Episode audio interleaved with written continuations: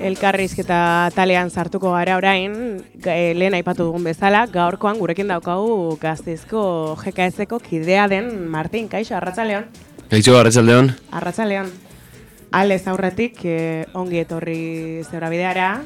Ni esker zuei gonbidatzeagatik eta aukera emateagatik. Gaur izango dugun gaia izango da, hori, e, urtarrian, oktarriako gaita sortzean egingo duzue manifestazioa, eta, bueno, hau zolan apilotalekuan enkartuko zarete, goizeko amaiketan, pankarta handi bat aurrea eramateko, komite anitza ezberdinak eh, antolatu izan dituzue, eta, bueno, bidelia luzatzen ari zareten, eta sartuko gara justu gai horretan, zer da egun horretan aldarrikatuko duzuena. Hori da, orain bertan ari gara bete-betean, urtarriaren hogeita sortzian manifestatzera deitzen, e, Euskal Herri Maian bi manifestazio egingo dira, bata Bilbon eta bestea Iruñan, gu gure kasuan Bilbora ari gara deitzen. Eta ondo ulertzeko jekesetik zei aldarrikapen egiten diren, e, manifestazioaren lema bera e, arretaz irakurtzea interesgarri izan daiteke, bertan aurkezten delako egoera bat, eta egoera horren aurrean zein den guk daukagun proposamen politikoa. Egoera da, e, enpresarien eta agintarien erasoaldia, horrela identifikatzen dugu guk. Eta horren aurrean guk gure egiten dugun deia da, gaztelangileon borrokarakoa, edo are gehiago gaztelangileon batasun politikoa eta antolakuntzarakoa. Hmm. E, aburu bat kontu horietan, zerratik esaten dugu erasoaldia?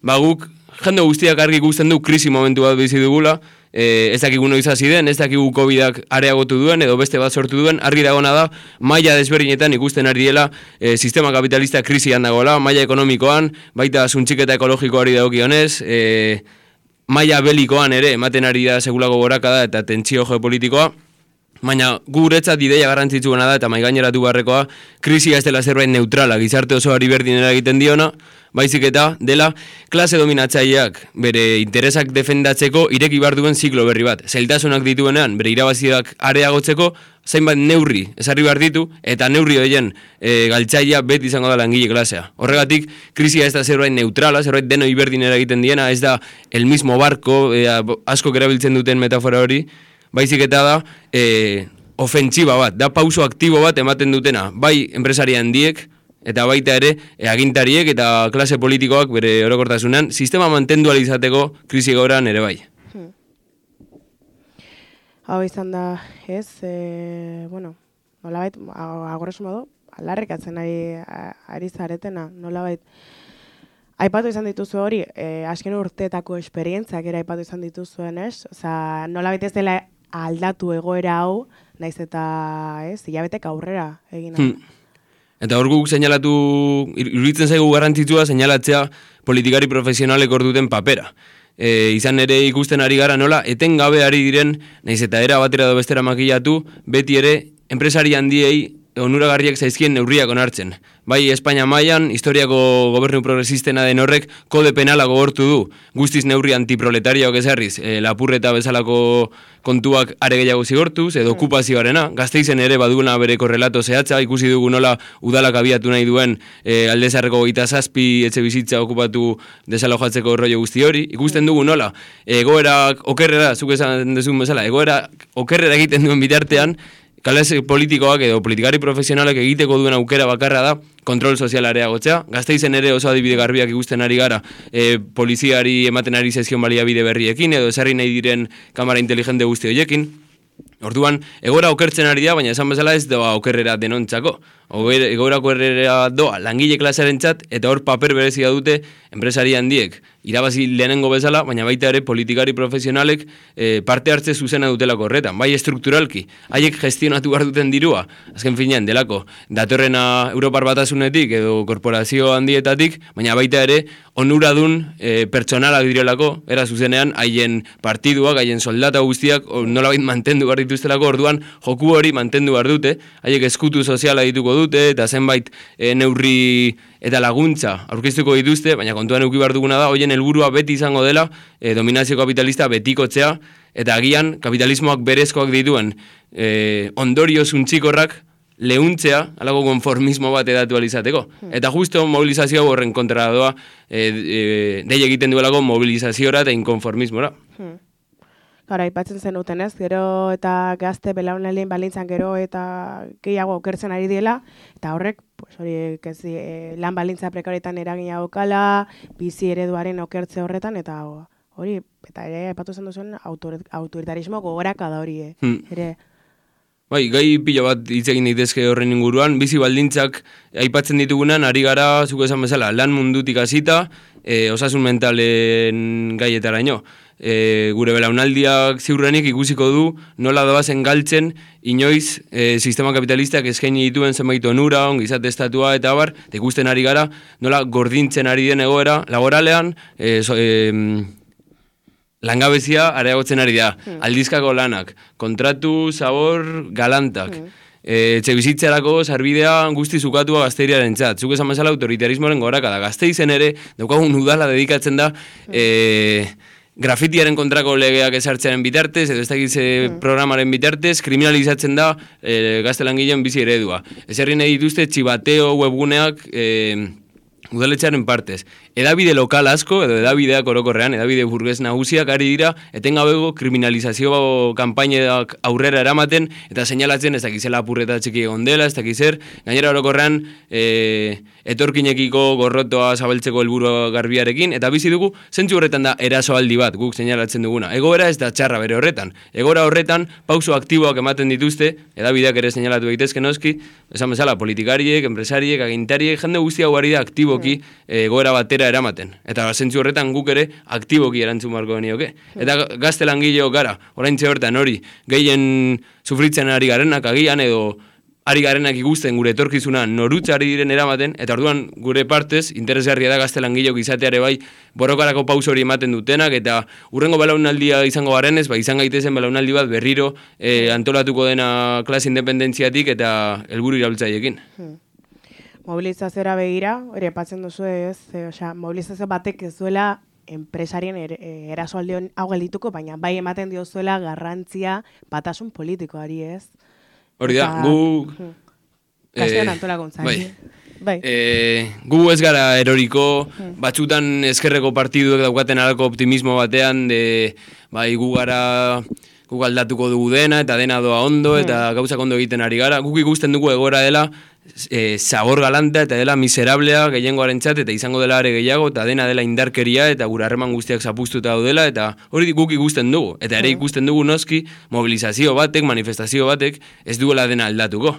Hori argi dago, inork ez dezala pentsatu goazela hortik esaten, manifestazio batek dena aldatuko duela. Baina argi duguna da, testu ingurua dela despolitizazioarena, beretziki gazteriaren artean, eta desmobilizazioarena.